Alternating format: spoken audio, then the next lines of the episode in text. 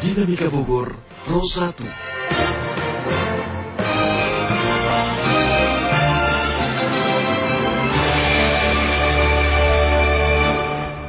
Ya, Assalamualaikum warahmatullahi wabarakatuh. Selamat pagi, salam sejahtera untuk pendengar kami Pro 1 RRI Bogor di mana pun Anda berada. Dan seperti biasa pagi ini uh, Bincang Pagi Dinamika Bogor menjumpai ruang dengar Anda Dengan uh, satu rubrik yang sama Yaitu bersatu, bersatu melawan uh, COVID-19 Nah, dalam topik uh, pagi ini kita juga akan uh, mengulas dan juga uh, menyampaikan informasi kepada masyarakat, terutama pendengar kami, di mana pun Anda berada yang mendengarkan di 102 FM maupun mendengarkan melalui RRI Play uh, dan 1242 AM uh, untuk saling memberikan informasi. Karena penting sekali bagi kita saat ini untuk sama-sama membuka informasi dan transparansi terkait dengan penanganan penanganan COVID-19 yang ada di Bogor baik kota maupun kabupaten. Dan pagi ini saya juga sudah ditemani dengan salah seorang narasumber. Uh, beliau adalah Ketua Forum Koordinasi Potensi Pencarian dan Pertolongan uh, Bogor dari SAR ya, di bawah Badan SAR Nasional, Kang Iwan Firdaus. Assalamualaikum, selamat pagi, selamat datang. Selamat pagi teman-teman. Kita berjumpa kembali nih Bang. Siap. nah, Uh, kami juga mengajak Anda untuk berpartisipasi di line telepon kami di 0251 atau SMS dan WhatsApp kami di 081-nya 5 kali 4200. Dan kita juga nanti akan uh, terhubung dengan para stakeholder dan pemangku kepentingan termasuk pembuat kebijakan. Uh, mulai dari uh, Wakil Ketua DPRD Kabupaten Bogor, kemudian Kepala Desa Bantarsari, Pak Lukman Hakim, dan beberapa narasumber lainnya melalui uh, sambungan telepon. Dan kita juga ingin mengetahui bagaimana kesigapan masyarakat di tingkat uh, yang paling bawah, yang paling ujung, RT, RW hingga desa, karena memang sudah terbentuk gugus tugas di tingkat uh, desa, RT, RW, desa siaga atau RW siaga COVID-19. Karena seperti kita ketahui bersama, uh, penyebaran atau uh, peningkatan jumlah orang dalam uh, pemantauan ODP maupun pasien dalam pengawasan PDP uh, jumlahnya terus bergerak. Ya bergerak. Di Kabupaten Bogor misalkan data 6 April dari gugus tugas uh, COVID-19 uh, 6 April kemarin itu ODP ada 281 orang orang dalam pemantauan kemudian 287 pasien dalam pengawasan. Ada 21 yang positif tiga orang sembuh dan ini menjadi prestasi tersendiri yang menjadi sebuah uh, harapan dan penyemangat untuk kita semua. Uh, untuk sembuh terutama mereka yang positif dan ada tiga meninggal. Tiga meninggal dua di antaranya ada di luar uh, Kabupaten Bogor. Satu warga Tangerang Selatan dan warga Jakarta. Kemudian satu warga yang di Cibinong. Dan ini menjadi sebuah catatan tersendiri. Terlebih uh, hampir uh, tiga pekan masuki tiga pekan kita melakukan pemerintah daerah dan juga instansi lainnya uh, kerja di rumah belajar di rumah dan segala sesuatunya dilakukan dengan jarak jauh. Sejauh mana efisiensi dan efektivitas pelayanan pemerintah nanti juga kita akan konfirmasikan dengan eh, pihak-pihak uh, terkait. Tapi sekarang kita ingin ke Kang Iwan Firdaus, Kang Iwan. Ya. Kita pengen tahu ada untold story di balik work from home COVID-19 ya. yang ada di Kabupaten Bogor ini, termasuk juga wilayah sebarannya. Ya. Kabupaten dekat dengan ibu kota Jakarta, banyak pintunya, hmm. berbatasan dengan daerah-daerah lain yang seperti Bekasi, Kerawang, yang zona merah juga, tapi dengan penduduk yang banyak potensinya juga akan banyak seperti bola es seperti itu. Ya. Kang Iwan pandangannya seperti apa nih dengan siaga Covid yang telah dilakukan di Kabupaten Bogor khususnya?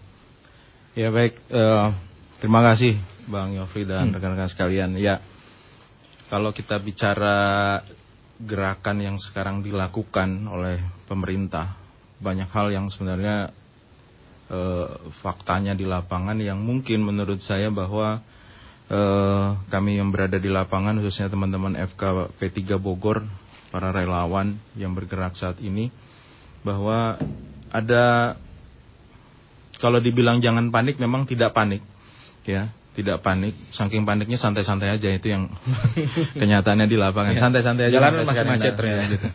Dan ya yang tidak kalau di di di, di tengah kota insya Allah ya terlihat gitu. Mm -hmm. Tapi begitu dia di pinggiran-pinggiran ini mm -hmm. yang seharusnya perlu kita menjadikan apa ya? Kita jadikan konsentrasi kita nih saat ini supaya penyebaran-penyebaran uh, sorry maksud saya pencegahan-pencegahan ini bisa maksimal dilakukan.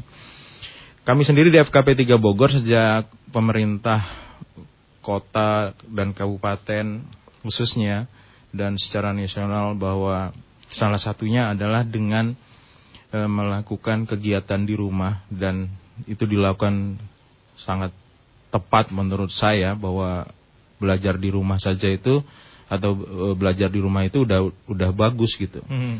Tapi faktanya kultur kita libur itu selalu dianggap liburan. Ya. ya.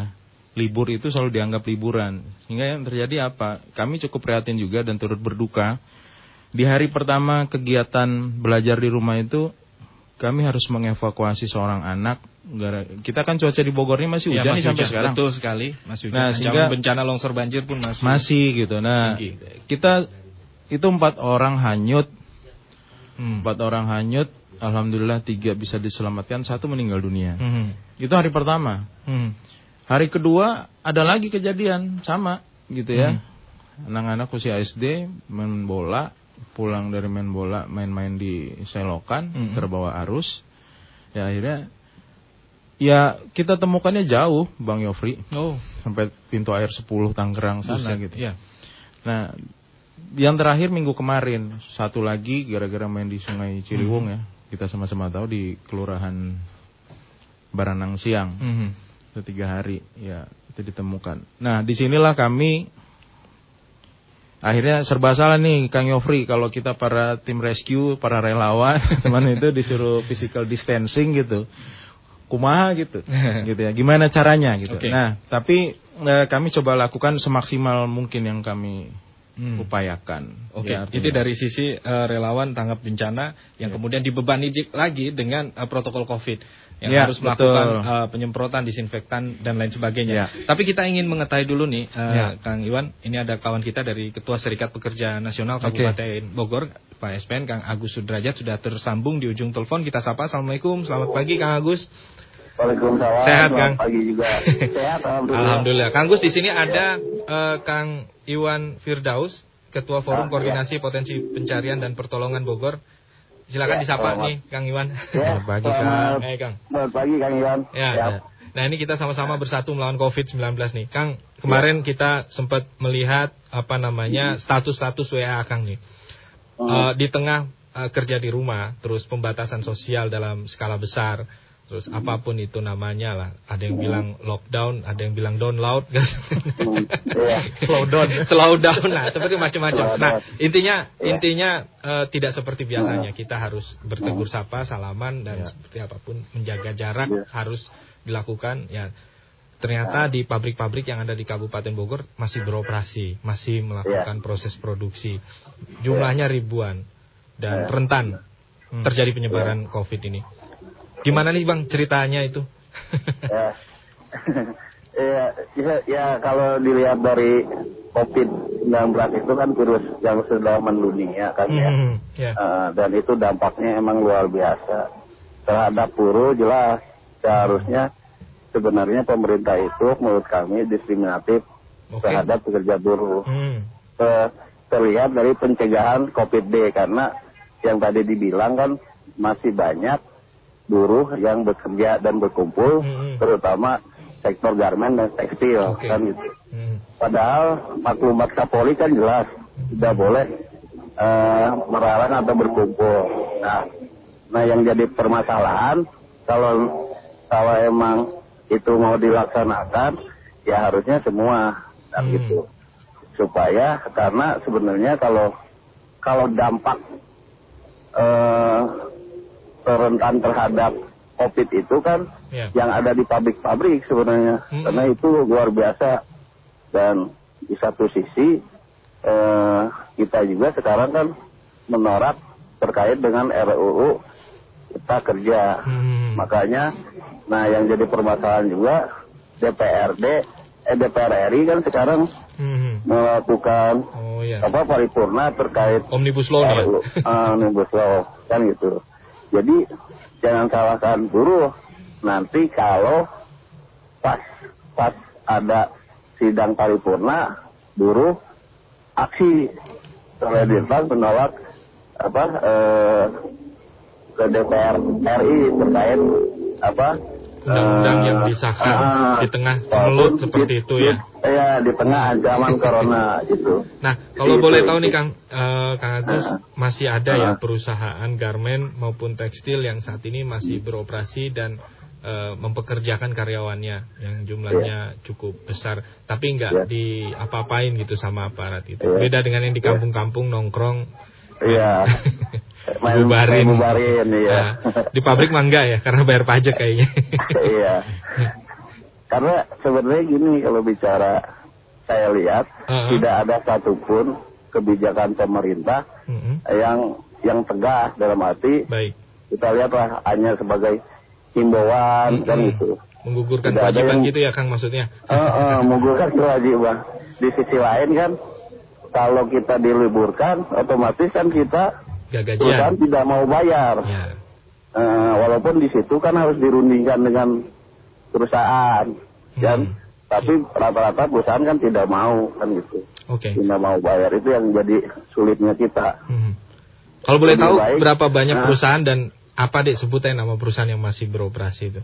Ya kalau kita lihat kan kalau di anggota kita sendiri kan ada 20 perusahaan Hmm, 20. yang Oke. ya yang rata-rata ya eh, adanya di sektor garmen Hmm. dan tekstil. Oh kan. itu mah model-model kayak Ah. Yongjin eh, dan Ah, ah. ah, kayak gitu-gitu ya. Iya, model di sana di, di Citerep kan. Iya, di Libra, kayak gitu-gitu kan. ya. Libra, Libra sih udah udah udah, Udah, tutup udah sekarang. tutup, oke. Eh, PT CAS, kan. Oh, PT. Citra Abadi, iya. Itu itu kan karyawannya ribuan lah. Mhm. Dan dampaknya luar biasa. Karena yang jadi permasalahan buruh itu manusia atau apa kan gitu terbuat dari mana kan gitu. Mhm. yang yang apa eh, intinya yang yang kuat terhadap covid kan gitu Ya, ya, ya. itu yang harus kita ini Oke, buat teman-teman yang ada di SPN tentunya kan punya solidaritas Ya. yang tanpa batas seperti itu. Eh, Hmm. Melihat teman-teman yang lainnya masih dipaksa harus bekerja, berkerumul masa, apa yang dilakukan nih teman-teman dari eh, Serikat Pekerja Ya. Kabupaten Bogor ini ya untuk melawan eh, pandemi corona itu? Karena kan kita Ya. tidak bisa eh, memungkiri satu di antara mereka pas mungkin ada dan menulari dan resikonya cukup besar sekali. Ini Iya. bagaimana ini Ah, alat perlengkapan dirinya terus kemudian hand sanitizernya penyemprotannya karena memang nggak mungkin kalau misalkan ini ditutup atau tidak berproduksi karena bentar lagi lebaran gitu ya iya ya ya se- sebenarnya kita juga sudah meminta Hmm. PSP untuk untuk mengawal ini karena Hmm. kan di di himbauan juga kalau emang perusahaan perusahaan tidak meliburkan atau merumahkan itu K3-nya harus dijalankan. Hmm. Emang ada, saya lihat perusahaan sudah menjalankan. Contohnya misalnya kalau pas masuk kita di tes suhu kan gitu. Hmm, ya, termogan gitu Terus? ya ter- Eh, terus kalau masuk perusahaan kita cuci tangan kan Hmm. gitu, cuci tangan, terus kasih masker kan gitu. Hmm. Cuma tidak menutup kemungkinan itu kena dampaknya juga karena itu kan ya kembali lagi karena kalau di pabrik itu kan berdekatan kan. ya apalagi garmen kan mesin jahit itu Iya. ngejajar satu plan dua plan ah, semuanya Iya berdampingan benar benar. Hmm. Iya benar ya. Kalau pulang juga kan kita lihat kalau pulang saya lihat kan eh, Hmm. pulang ribuan orang keluar berdempet-dempetan kan itu susah rawan sekali distancingnya itu. Ah, ah, ah. Oke, jadi kira-kira apa yang ingin eh, yang sudah dilakukan dan akan dilakukan nih Kang bersatu melawan Ya. Covid ini terutama bagi teman-teman Serikat Pekerja Nasional Kabupaten Bogor Ah, ini. Iya. Ya intinya kita harus tetap waspada Oke, kepada waspada. ah, anggota. Mhm. Terus juga kita meminta eh, lewat PSP-nya supaya perusahaan Mhm. menjalankan K3-nya. Dan kalau emang perusahaan, misalnya perusahaan eh, pengen meliburkan, ya harus dipatit lah. Mhm. Ada jalan tengahnya lah. Hmm, Jangan sampai Kalau- dipecat gitu ya.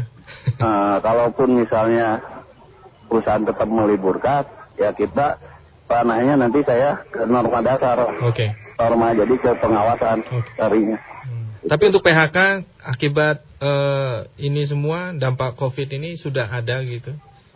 Kalau untuk anggota SPN saya belum belum lihat, Belum tapi lihat, ya. untuk untuk yang dirumahkan sudah ada eh, dua perusahaan lah. Dua perusahaan dirumahkan ya. Nah, dirumahkan terus. Tapi belum sampai di PHK terus atau di Belum. Belum. Belum, tapi upahnya dibayar 50 persen. Upah dibayar 50%. Oke. Yang eh, yang penting kan kita ada solusinya lah. Oke, ya ya. Yang sampai itu terjadi lah. Oke. Nah, Terima kasih Kang Agus Ya. Sudrajat atas waktu dan kesempatannya. Selamat Nah. bertugas kembali. Sukses selalu nih Kang. Salam untuk teman-teman SPN di sana. siap, siap. Assalamualaikum. Ya. ya. Waalaikumsalam warahmatullahi wabarakatuh. Ya, ini Kang Iwan Firdaus eh, satu dari sebagian elemen masyarakat di Ya. Kabupaten Bogor buruh terutama karena Ya. memang masih banyak perusahaan yang yang beroperasi seperti itu. Kalau nggak Ya, beroperasi, betul. bentar lagi high season nih, puasa, Hmm. lebaran seperti itu. Ya. Nah, eh, berbicara mengenai alat perlengkapan diri, Iya. eh, harganya cukup mahal. Akhirnya pemerintah juga kebingungan harus belanja ke mana lagi. Hmm. Eh, anggaran pemerintah daerah sudah dijebol ini 457 miliar rupiah. Angka yang luar biasa fantastik untuk Kabupaten Bogor. Oh, Kota Bogor beda lagi ya? Kalau Kota Bogor beda lagi untuk Kabupaten Bogor segini. Ini adalah angka yang nantinya akan dipersiapkan untuk eh, pembangunan ibu kota baru Bogor Barat ceritanya. Begitupun dengan iya, iya. dengan eh, di tingkat nasional. Iya. Eh, pemerintah mengeluarkan eh, berapa triliun rupiah yang akhirnya harus dipergunakan untuk gugus tugas COVID yang ada di seluruh Indonesia seperti itu. Iya. Ini luar biasa bahkan Menteri Keuangan juga eh, mengatakan ini ada ancaman defisit anggaran. Artinya kalau dan dolar sudah di atas eh, 15.000 ribu dan 16.000 ribu seperti itu. Hmm. Kalau sampai 20 Sempat ribu, 17 ya? Sempat 17 ya. Kalau Iya. sampai 20 ribu berarti jackpot kayak 98 gitu tadi. Artinya begitu besar apa namanya dampak dan pengaruhnya baik di Iya. tingkat nasional, global bahkan sekarang di tingkat Betul, RT RW pun betul. mulai disiagakan. Cuma masyarakatnya masih eh, membandel. Saya ingin tahu nih eh, Hmm. Kang Iwan, sedahsyat apa sih sebenarnya virus ini? Kalau boleh pinjam istilah ini Eh. kayak ilmu santet Oh, gitu. ya, santet lah. Ini bagus nih. ya santet. Quote-nya adalah Eh. COVID-19 is santet. Ya santet. Jadi hati-hati jangan dekat-dekat orang bisa bisa Bisa kena seperti gitu itu. Nah, ini bisa merebaknya begitu cepat kayak gitu. Hmm. Hmm, pengaruhnya juga begitu Ya. meluas. Ya, em, yang pertama bahwa kalau kami di FKP 3 Bogor, artinya di FKP 3 Bogor itu kebetulan ada sekitar 55 organisasi di Hmm. dalamnya ya. Yang memang eh, bergeraknya di di bidang kemanusiaan gitu. Nah, dari awal kami sudah mencoba untuk oke, apa yang bisa kita buat gitu. Hmm. Ya, karena dari awal juga kita menyadari betul bahwa kemandirian masyarakat untuk menghadapi sebuah bencana itu sudah terlalu banyak contohnya dan sebenarnya kita selalu tidak siap. Ya, kemandirian masyarakat itu. Nah, khususnya Covid ini wabah sekarang ini itu tadi saya bilang ini kan kayak santet gitu loh, nggak nggak lihat tanpa gejala tiba-tiba ada yang kolab di jalan gitu dan semua orang berpikir bahwa itu Covid gitu dan di sini kan perlu edukasi Yes. Kami mungkin orang-orang yang sudah dibekali tentang basic life support Hmm. ya Oke. tapi begitu ada kejadian di jalan karena ada protokol yang harus di- dilakukan harusnya kita bisa menolong orang lebih cepat kan akhirnya kita harus jaga jarak Ya. artinya bisa jadi eh, nyawa orang tidak tertolong gara-gara ini gitu. Hmm, Oke. Ya, nah. Kemudian yang terjadi adalah nah, apa yang sudah kami lakukan? Yang sudah kami lakukan sejak awal sebelum ada penyemprotan ini rame-rame gitu ya. Hmm. Kami sudah siap dan sudah melakukan dan target kami bukan penyemprotan. Tapi bagaimana mengedukasi masyarakat untuk segera mandiri karena nanti kan kalau Bang Yofri tahu ada zona merah, zona kuning, zona hijau gitu ya. Nah, kita berada di posisi yang mana nih gitu. Ya kan kalau Kabupaten Bogor kan kita nggak tahu. Dia kalau Kota Bogor kita tahu dia menentukan dia KLB gitu. Hmm. Kabupaten Bogor kita nggak tahu. Ya.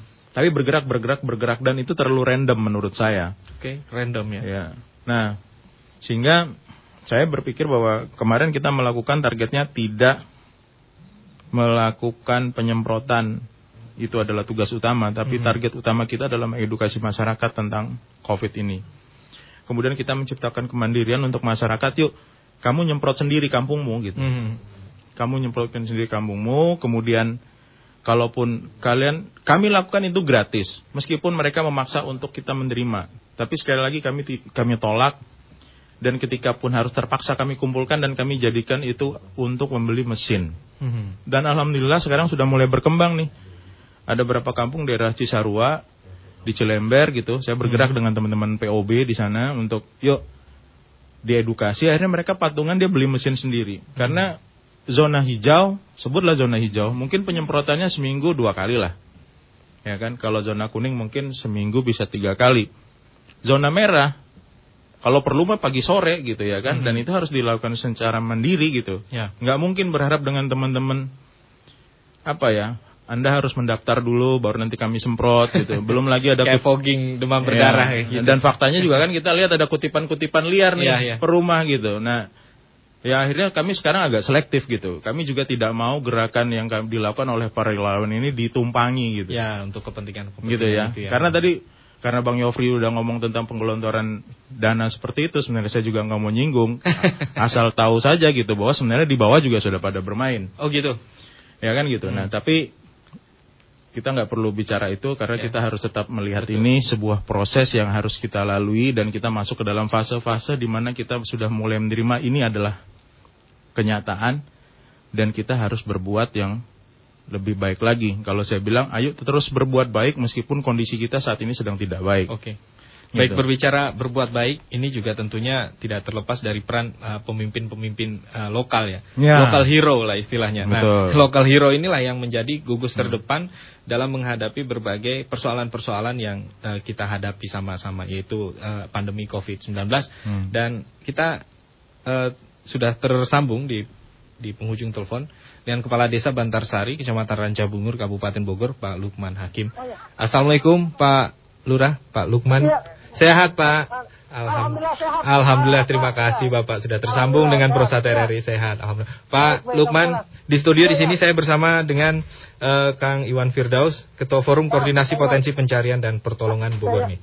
Nah, kita kita melihat eh, status di WhatsApp Bapak nih. Yang kemarin itu tentang bagaimana eh, kesiapsiagaan desa Bapak menghadapi cok Covid. Kemudian ada yang menjahit apa namanya alat perlengkapan diri, kemudian juga masker, terus protokol Covid juga dijalankan. Kita pengen tahu nih Pak, eh, de- desa Bapak masuk zona merah tidak? sih? Kalau mengutip bahasanya Pak Iwan Firdaus. Cerita dulu Iya, Pak. kita belum masuk dalam zona merah. Oke. Mudah-mudahan enggak. Mudah-mudahan enggak. Iya, iya. Iya, hari ini saya dari tadi jam 8 di gerbang checkpoint Bantarsari sedang melakukan pengecekan lokal lockdown mengecek semua kendaraan roda 2 maupun roda 4 yang masuk ke wilayah kami. Hmm, hmm. Dan sekarang alhamdulillah yang bertugas RW uh, Satgas RW 08 dan ini sudah berlangsung sejak hari Senin pekan yang lalu, jadi sudah satu minggu. Udah satu minggu ya. Iya. Nah semenjak eh, ditutup atau pembatasan secara besar ini Oh. tentunya dampak terhadap warga bapak juga eh, gimana nih pak? Yang biasa jualan gorengan jadi nggak jualan gorengan ya? atau jualannya lewat WA gitu? COD ya? Oh, COD, COD. Nah seperti ini. eh, yang saya tahu kan eh, di tempat bapak banyak ada konveksi yang mungkin menjahit masker dan APD. Ya. Bisa Oh. di bagaimana nih eh, mensinergikan potensi di tempat bapak itu untuk membantu pemerintah daerah terutama menghadapi eh, pandemi COVID-19 ini pak. Iya, saya kira uh, ini uh, uh, dampaknya, implikasinya cukup besar ya, Hmm, hmm, terutama untuk uh, perekonomian di masyarakat. Hmm, hmm. Uh, memang secara umum ya, ya untuk di Desa Bantarsari kebetulannya ada konveksi yang memperkerjakan masyarakat kami. Hmm, Salah satu di antaranya adalah pembuatan masker Hmm. sama APD begitu ya. hmm. Ah, nah ini kan menggali potensi yang ada sehingga terus berjalan uh, Hmm. apa namanya uh, ekonominya begitu ya. Mhm. Nah, di satu sisi juga eh, mengulangi para pelaku-pelaku tengkulak ini yang di luaran nih Pak yang sudah menjual APD dengan harga yang luar biasa. Hmm. Kang Iwan Firdaus Iya. merasakan beli semprotan aja katanya 2 juta, padahal harganya 700 ribu kayak gitu. Nah, nah, bagaimana Keren, nih ya. eh, gotong royong ini yang penting ya Pak ya? Gotong royong kemudian juga eh, membantu bersama-sama mengingatkan dan mengedukasi gitu. Pak.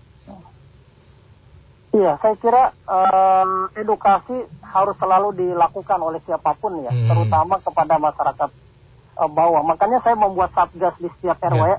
Hmm. agar mereka kemudian mampu mengedukasi warga Mhm. dan dia berkeliling ke setiap rumah, Ya. baik itu dari sisi eh, edukasi mental spiritual, karena kan orang sekarang panik ya dengan Ya. adanya begini kan. Ya. Itu penting begitu. Ya. Di samping juga adalah sisi-sisi kesehatan begitu ya. Nah, silakan Pak Iwan Firdaus mau bertanya nih sama Pak Pak Kades, Assalamualaikum. Mau tanya Pak Kades.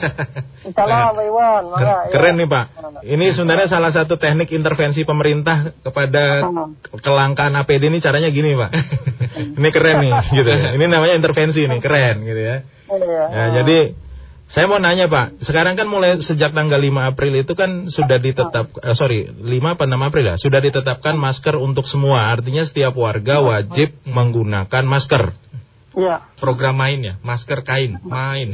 Ya, main masker kain. Nah, ini kan menarik nih Pak. Saya saya juga ingin mengkloning nih Pak program Bapak nih. Saya coba tularkan gitu. Ya, dengan cara yang ini sudah ada berapa yang minta. Ini menarik Pak Kades. Nah, Iya. Berapa Pak eh, tekniknya gimana Pak untuk bisa melakukan produksi besar-besaran? Anggaplah kayak gitu ya. Itu kapasitas yang bisa dilakukan per hari berapa Pak dengan menggerakkan masyarakat untuk membuat APD eh, apa main tadi Pak masker kain Pak? Ya, saya kira eh, sesungguhnya kita tidak punya eh, apa namanya potensi yang besar yang eh, diasumsikan orang begitu ya. Hmm. Iya, iya kita sesungguhnya eh, melakukan apa namanya kerjasama dengan pihak-pihak terkait karena di Ba- Bantarsari ada potensi eh, konveksi begitu ya. Heeh. Maka kemudian kita kerjasama dengan yang punya potensi untuk kemudian eh, mempekerjakan warga-warga kami Hmm. untuk membuat eh, apa namanya Masker eh, kain. salah Hmm. satunya Hmm. begitu ya. Termasuk juga ada eh, penjahit-penjahit yang rumahan gitu ya. Hmm. Mereka juga kemudian me- menjahit eh, Baju yang- astronot itu bukan? Enggak. Bukan. kalau yang kalau APD ada juga yang dikonveksi. Hmm. Mereka juga kemudian membuat itu. Dan itu memang ada pesanan juga dari luar. Oh dari luar. Kalau yang Ah. rumahan tadi, mohon izin Pak Kades, kalau yang rumahan Hmm. tadi Hmm. ada kontribusi nggak dari pemerintah? eh, sorry, dari mungkin oke satu Hmm. satu masker kain dihargai sekian gitu, pakai Hmm. gitu nggak? Enggak, enggak. Ya. Oh gratis aja mereka? Ah, mereka kalau yang di rumahan mereka Ah. menjual satunya itu 3000 satunya. Hmm. Oh Jadi mereka. kalau- Ah, iya. Kalau Oh. yang konveksi mereka harus berkontribusi kepada warga masyarakat Oh. Bantarsari dengan memberikan cuma-cuma. Oh, gitu. Ah, ah, gitu. Oke, itu karena potensinya memang ada garment di sana Pak ya. Iya, betul. Tidak semua daerah punya yang sama. Punya. Hmm, Ah, Oke, ah. baik. Yang Artinya rumahan nih, yang juga rumahan yang sebenarnya yang ingin saya coba ini. Pak Iya, Kades, siapa betul. tahu bisa di- kita Hmm. tularkan gitu ke teman-teman yang lain gitu. Hmm. Iya, iya. Oke, Pak Kades, eh, Ya. ini kan eh, Bantarsari juga berdekatan dengan eh, kecamatan-kecamatan lain seperti Parung. Parung kemarin juga ada catatan juga, ada. Ciseeng juga seperti itu. Kemudian dilintasi jalan perlintasan eh, luar kota itu ya, bisa ke Depok sampai ke Pasar Minggu Jakarta bisa lewat situ. Nah, artinya eh, dengan protokol-protokol COVID yang sudah diterapkan ini, eh, bagaimana dengan masyarakat yang ada di Bantarsari yang bekerjanya itu harus keluar karena berada di tengah-tengah seperti itu. Itu ada aturan khusus atau seperti apa nih Pak? Keluar masuk keluar masuk. Karena di Kecamatan Ciawi kemarin sempat juga ditutup jalan, akhirnya ben- benturan dengan warga. Loh saya kan warga sini gitu. Meskipun KTP-nya sana gitu, Iya. seperti itu. Ya.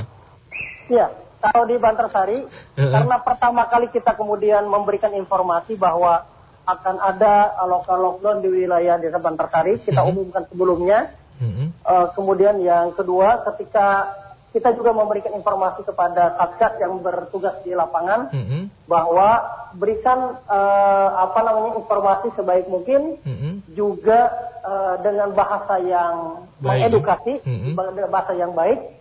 Dan alhamdulillah sampai sekarang sudah berjalan 8 hari ini tidak ada komplain dari masyarakat. Tidak ada komplain, Apa, Iya, apalagi justru yang dari luar mereka mengatakan dari Depok mengatakan, Hmm. Pak kami senang ada yang seperti ini. Hmm. Apalagi yang dari Depok kita catat namanya. Oh gitu. Kita, eh, kita catat nomor teleponnya karena Depok zona merah kan Betul begitu. sekali Pak.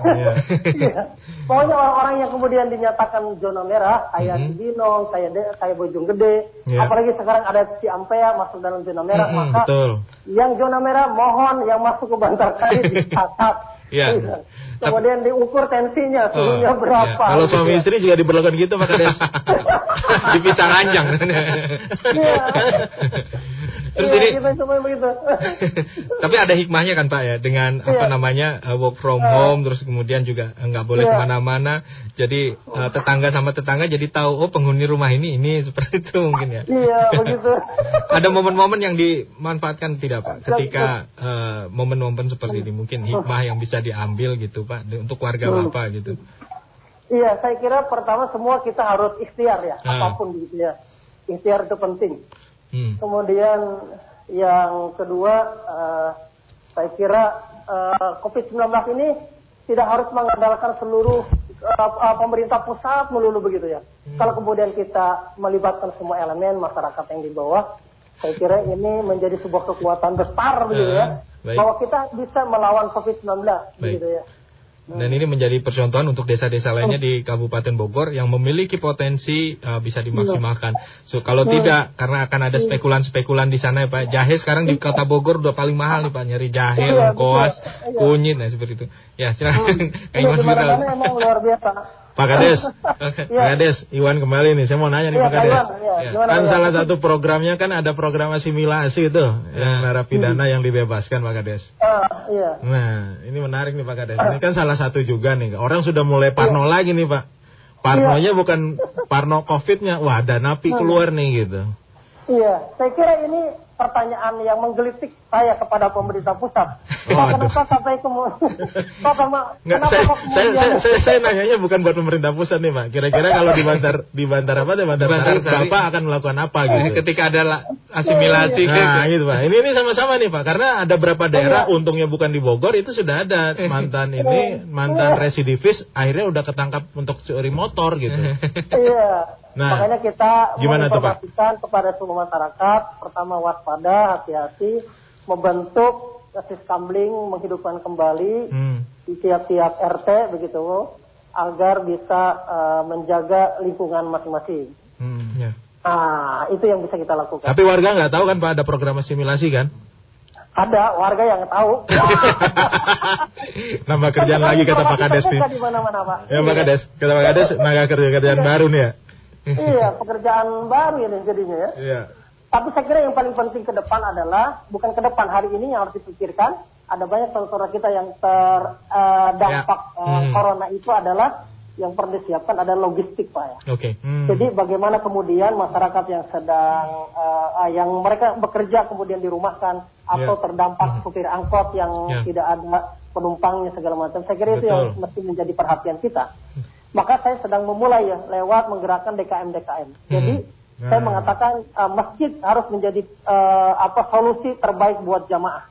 Baik. Maka kemudian eh, DKM DKM harus mendata jamaah-jamaah yang kemudian terdampak begitu ya. Hmm. Secara Maka ekonomi ya Pak Kades. Iya, Hmm. secara ekonomi begitu. Hmm. Maka kemarin kita sudah memulai, ayo eh, salurkan eh, orang-orang yang terdampak. Kemarin di masjid kami ada 16 orang, ayo berikan sembako kepada mereka. Dan Ya. ternyata mereka sangat membutuhkan.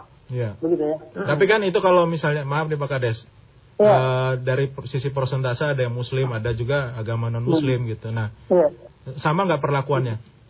Iya, kita harus sama dalam eh, dalam momen atau dalam hal yang berbeda begitu ya. Iya. Nah, kita akan memberikan langsung eh, kan eh, masjid itu eh, Untuk semua ya? bu- eh, untuk semua, for Oke. all gitu ya. Hmm. Yes, Rahmatan lil alamin kan Ya, begitu. iya, iya, iya. Luar biasa. Harus semua begitu. Ya. Oke, karena memang gampang dikoordinasi kalau DKM ya Pak. Gereja kan nggak ada di situ. Iya, sangat mudah. Sangat mudah. Sangat mudah. Nah, dari DKM ntar guru ngaji, guru ngaji ntar RT RW kan seperti itu. kan? Iya, gitu. Baik, Pak Lukman, terima kasih atas Ya. waktunya dan kesempatannya. Baik. Mohon maaf jika ada Baik, kekurangannya. Sukses selalu ya Pak ya. Semangat Baik. Pak Kades. Selamat. Selamat, harus semangat. Semangat, semangat. Lawan corona. Baik. Itu tadi saudara pendengar eh, Kepala Desa Bantarsari, Kecamatan Ranca Bungur, Kabupaten Bogor, Bapak Lukman Hakim. Dan kita akan kembali berbincang dalam program Bersatu Melawan COVID-19 bersama saya Yofri Haryadi dan Kang Iwan Firdaus setelah jeda pariwara berikut ini. Jangan ke mana-mana, tetap di Pro 1 RRI Bogor, Pro 102 FM. Dewasa ini Indonesia tengah dilanda wabah corona. Pemerintah wajib untuk mengatasinya bersama masyarakat. Ketentuan Undang-Undang Nomor 6 Tahun 2018 tentang kekarantinaan kesehatan memungkinkan pemerintah melakukan berbagai kebijakan salah satunya adalah pembatasan sosial skala besar. Pada pasal 59 ayat 1 dan 2, pembatasan sosial skala besar dapat berupa peliburan sekolah dan tempat kerja, pembatasan kegiatan keagamaan, pembatasan kegiatan di tempat atau fasilitas umum. Masyarakat tentu saja wajib mematuhinya karena berdasarkan Undang-Undang Nomor 6 Tahun 2018 tentang karantinaan kesehatan, apabila masyarakat melanggar ketentuan pembatasan sosial skala besar, maka dapat dikenakan pidana maksimal satu tahun dan denda maksimal 100 juta rupiah sebagaimana diatur pasal 93. Oleh karena itu saya menghimbau agar masyarakat mematuhi ketentuan pembatasan sosial skala besar apabila sudah ditetapkan pemerintah dan tetap di rumah kecuali untuk urusan-urusan yang sangat mendesak. Saya Muhammad Mihradi, Dekan Fakultas Hukum Universitas Pakuan.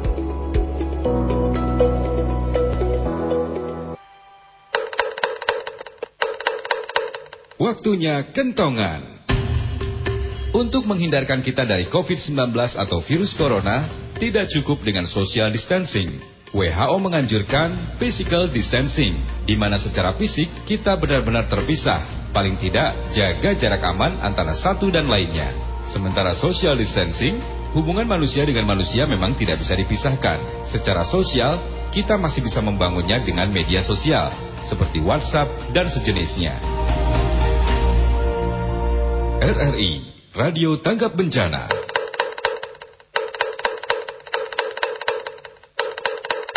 RRI, Radio Tanggap Bencana. Apa itu physical distancing atau jaga jarak fisik? Dan apa sih gunanya? Physical distancing adalah menjaga jarak fisik antar manusia. Pembatasan kontak fisik dalam komunikasi sehari-hari harus dilaksanakan. Bukan hanya di luar, tetapi di dalam rumah kita juga harus melaksanakannya. Mengapa physical distancing penting? Karena virus corona menular. Menular dari orang yang sakit ke yang sehat melalui percikan ludah yang kecil-kecil atau disebut droplet. Pada saat yang sakit batuk, saat bersin, maupun berbicara, percikan langsung yang mengenai orang sehat inilah yang berpotensi menimbulkan penyakit. Tindakan jaga jarak fisik atau physical distancing seperti membatalkan acara olahraga, konser, dan pertemuan besar lainnya dapat membantu memperlambat penularan virus corona. Untuk itu, tetap atur jaga jarak Anda dengan orang lain kisaran satu setengah hingga 2 meter agar Anda tidak menularkan atau tertular virus corona. RRI, Radio Tanggap Bencana.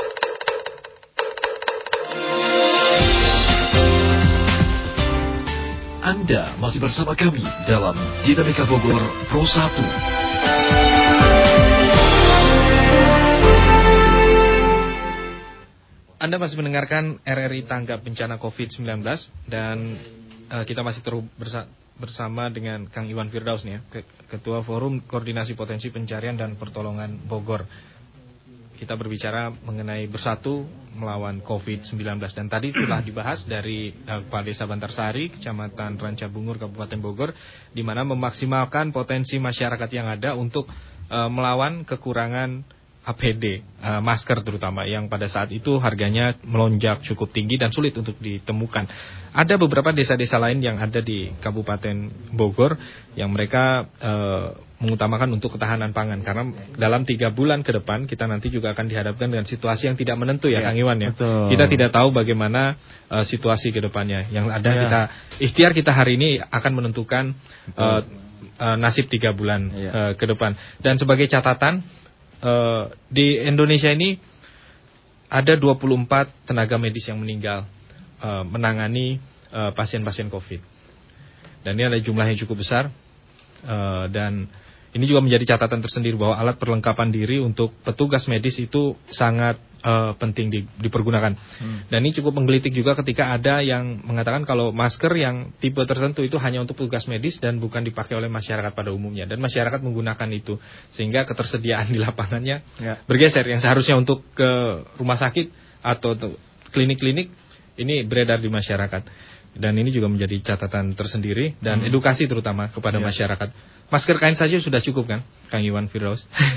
ya, tapi ada ya. itunya, ada ada batasannya Ada juga. batasan. kan? Harus dicuci tiap hari seperti itu. Iya. Nah, kalau misalkan kita berbicara penanganan eh, dari pemerintah daerah Kabupaten Bogor, terlebih anggaran sudah diberikan, gugus tugas sudah dibentuk, bahkan di tingkat R- RW dan eh, RT. Eh, lalu bagaimana kontrol dan kendalinya? Eh, kita sudah tersambung dengan eh, Wakil Ketua DPRD Kabupaten Bogor, Kang Pak Kiai Haji Agus Salim. Assalamualaikum, Pak Kiai. Sehat, Pak Kiai? Alhamdulillah, Alhamdulillah. sehat. Pak Kiai di sini saya bersama dengan Kang Iwan Firdaus dari Ketua Forum Koordinasi Potensi Pencarian dan Pertolongan Bogor yang juga menjadi relawan untuk berjuang melawan. Covid. Waalaikumsalam, Kang Iwan. Makasih banyak. Ya. Ya. Pak, Pak Wakil, ini kan Ya. kemarin kita berbicara mengenai anggaran yang sudah digelontorkan. Ada Iya. jumlahnya kalau nggak salah sampai 400 miliaran seperti itu. Hmm. Uh, kemudian juga uh, itu juga jadi satu dengan penanganan bencana yang ada di Sukajaya dan sekitarnya itu bencana banjir Benar, dan longsor benar. seperti itu termasuk juga untuk rumah sakit darurat Covid yang ada di Kemang uh, yang Ah, pakai benar. Wisma Ke- uh, Kementerian Dalam Negeri seperti itu ya Balai Iya, Diklat benar. Kementerian Dalam Negeri Ah. ini kita nggak tahu selama tiga ke- bulan ke depan ini akan seperti apa. Pak Iwan apa semakin baik lebih baik atau memburuk sekalipun. Karena kalau melihat dari catatan ada 281 ya ODP, 287 PDP, 21 positif, 3 sembuh. Nih alhamdulillah nih 3 sembuh Kota Bogor lewat. ya, silakan Pak Wakil. Iya iya. Alhamdulillah. eh, pekan lalu ya hari Hmm. Jumat Badan Anggaran dengan TAPD Alhamdulillah sepakat kita eh, RDP konsultasi angka yang sebelumnya sempat dianggarkan untuk penanganan COVID ini 80 Mm-mm. meningkat sampai ke angka 377 Mm-mm. eh, miliar. Itu khusus untuk penanganan COVID-nya. Mhm. Yang 100 M-nya itu yang untuk eh, musibah alam ya atau Mhm. bencana alam yaitu Sukajaya termasuk juga eh, gempa kan itu Mhm. musibah yang menimpa Kabupaten Bogor itu Iya, kan iya. beruntun ya. Mm-mm. Nah, Apalagi sekarang juga masih hujan cukup deras ini ya, Ah, terus. cuaca ekstrim ya. Heeh. Jadi yang khusus untuk penanganan COVID itu baik untuk medis maupun non medis itu 377 Mm-mm. eh, miliar gitu. Nah, yang khusus medisnya itu eh 100 berapa ya? 100 mohon maaf dibagi dua. Yang non medis itu 181 Hmm. m, sisanya itu adalah untuk yang medis. Mhm. Nah, yang ter kan efek ini dampak dari COVID ini kan ada yang terkait kesehatan dan ada yang terkait dengan non kesehatan. Ya. Nah, non kesehatan ini kan terkait dengan ketahanan pangan, Hmm. sosial ekonomi, terutama kebutuhan masyarakat. Mhm. Ini yang kita alokasikan untuk itu ditangani oleh dinas sosialnya nanti dan itu kita kita alokasikan 181 m. Itu untuk Kabupaten Bogor. Ini apresiasi kami dengan eh, TAPD dan eksekutif yang alhamdulillah mau menggeser angka-angka yang sebelumnya cuma 80 bisa menjadi sampai 377 m Hmm. gitu. Artinya dengan eh, angka yang sebesar itu eh, kemungkinan besar eh, COVID ini endeminya dapat ditekan itu Pak dalam dua bulan terakhir. Terlebih kita kan mau eh, Ramadan, Idul Iya. Fitri dan biasa tradisi mudik itu pasti dilakukan, iya, wisata betul. keluarga juga pasti dilakukan. Untuk kesehatan kami maksimalkan karena Ya. untuk kesehatan ini semua yang diminta rumah sakit nggak kita kurangin. Oke. Empat rumah sakit RSUD termasuk 17 m untuk persiapan rumah sakit darurat di Kemang menggunakan eh, diklat Kemendagri itu nggak kita kurangin setelah RDP langsung ke mereka. Gitu. Oke. Dan bagaimana himbauan dan instruksi untuk melakukan fungsi-fungsi eh, kontrol di rumah sakit, termasuk juga siaga desa ya, RW siaga seperti itu Pak, yang telah Hmm. gugus terbentuk. Ini juga pasti anggarannya diambil dari 377 miliar itu tadi kan Pak, untuk Iya. eh, sampai di tingkat bawah itu untuk dialokasikan Ah, dan benar. dimanfaatkan. Ada alokasi yang khusus khusus eh, Satgasnya itu kita alokasikan karena itu kan Mhm. terkait dengan manajerial dan pengeluarannya. Iya. Hmm. Itu kita kita alokasikan juga. Ada untuk rumah sakit, ada yang untuk penanganan yang untuk administrasinya, termasuk juga eh, penyemprotan desinfektan oleh damkar itu juga kita alokasikan untuk itu Hmm. sehingga tertangani semuanya. Terutama zona merah ini ya. Jam iya Pak. Hmm. Ini juga terkait zona merah.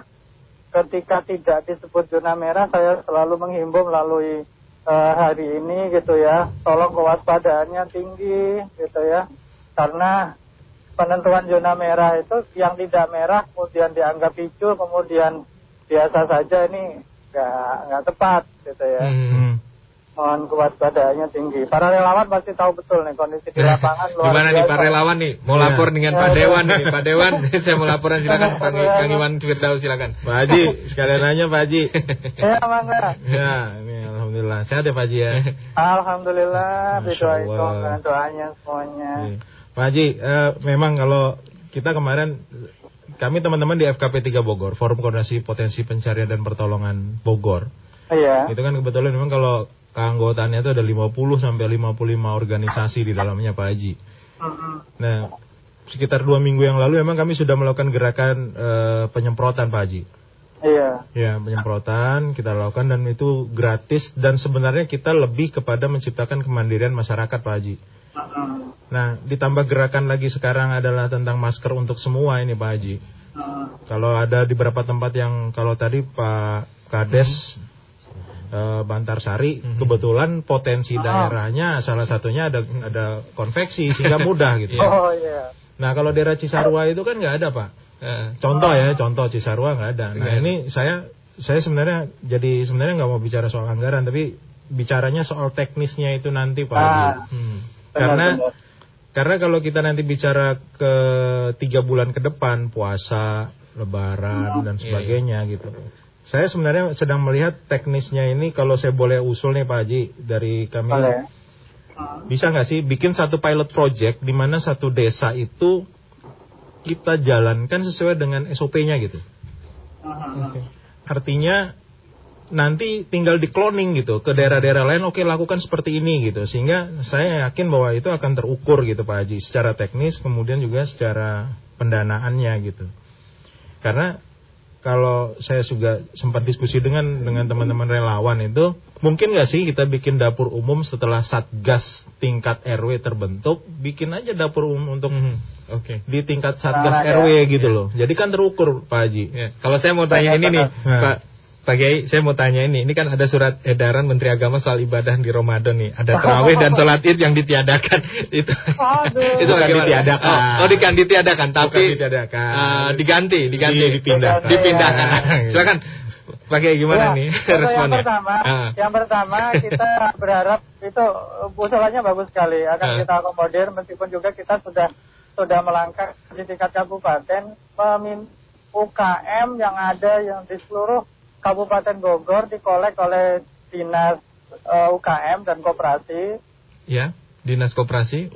usaha sendiri pengadaan sendiri kebutuhan tiga bulan empat bulan ke depan itu tercukupi. Hmm. Itu harapan kita. Nah, terkait dengan desa itu juga kita bis- kemarin kemarin ketemu dengan dinas eh, terkait desa dan dana desa itu bisa difungsikan Oke. padat karya malah padat Hmm, karya ya, ya. itu bisa eh, bisa langsung di saat kondisi sulit gitu ya konveksi bisa dihidupkan khusus APD kembali ke masyarakat dari dana desa itu sendiri Hmm. Hmm. itu dengan sistem padat karya. Itu sudah kita coba rekomendasikan, kita dorong, termasuk juga eh, ke beberapa mungkin teman-teman yang ada di dapil kami di sana. Dan terima kasih tadi kemudian dengan tem- pilot project kalau ada yang bagus mungkin tadi Bantarsari bisa kita jadikan atau mungkin beberapa yang ada. Kemudian yang kedua kaitan dengan ibadah kita tentu doa kita adalah ini semua eh, bisa kelar sebelum Ramadan meskipun secara logika dan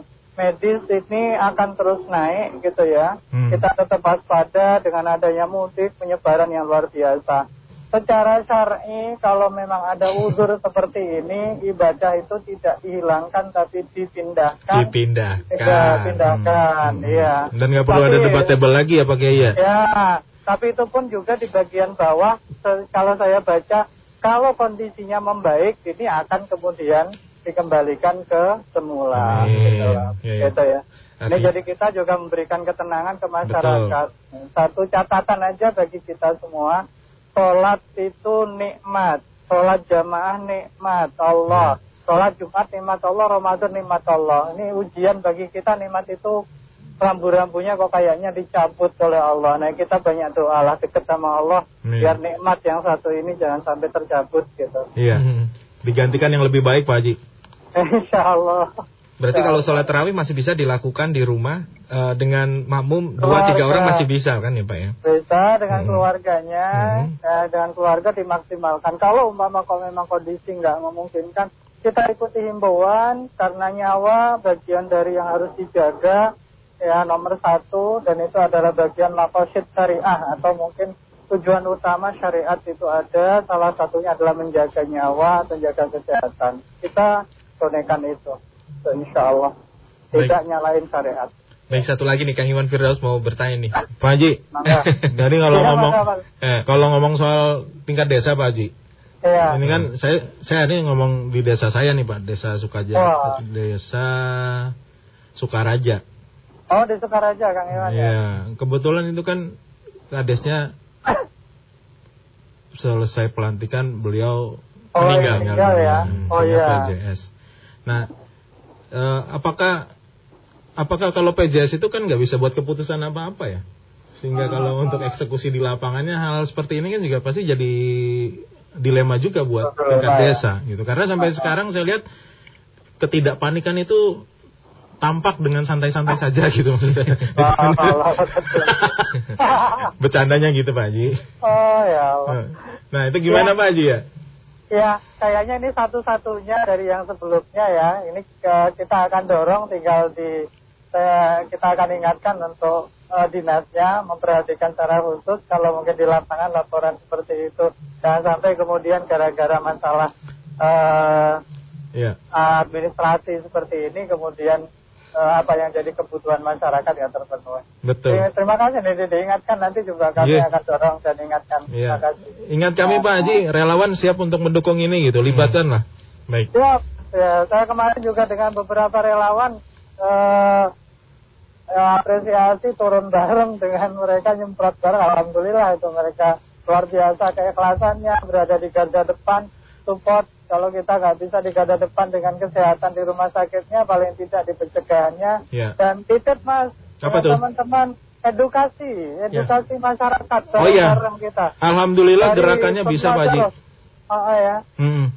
masyarakat subhanallah ini masih ketingkat kepahamannya terkait hal ini ini masih rendah. Sangat-sangat tidak panik ya. Sangat, iya sangat.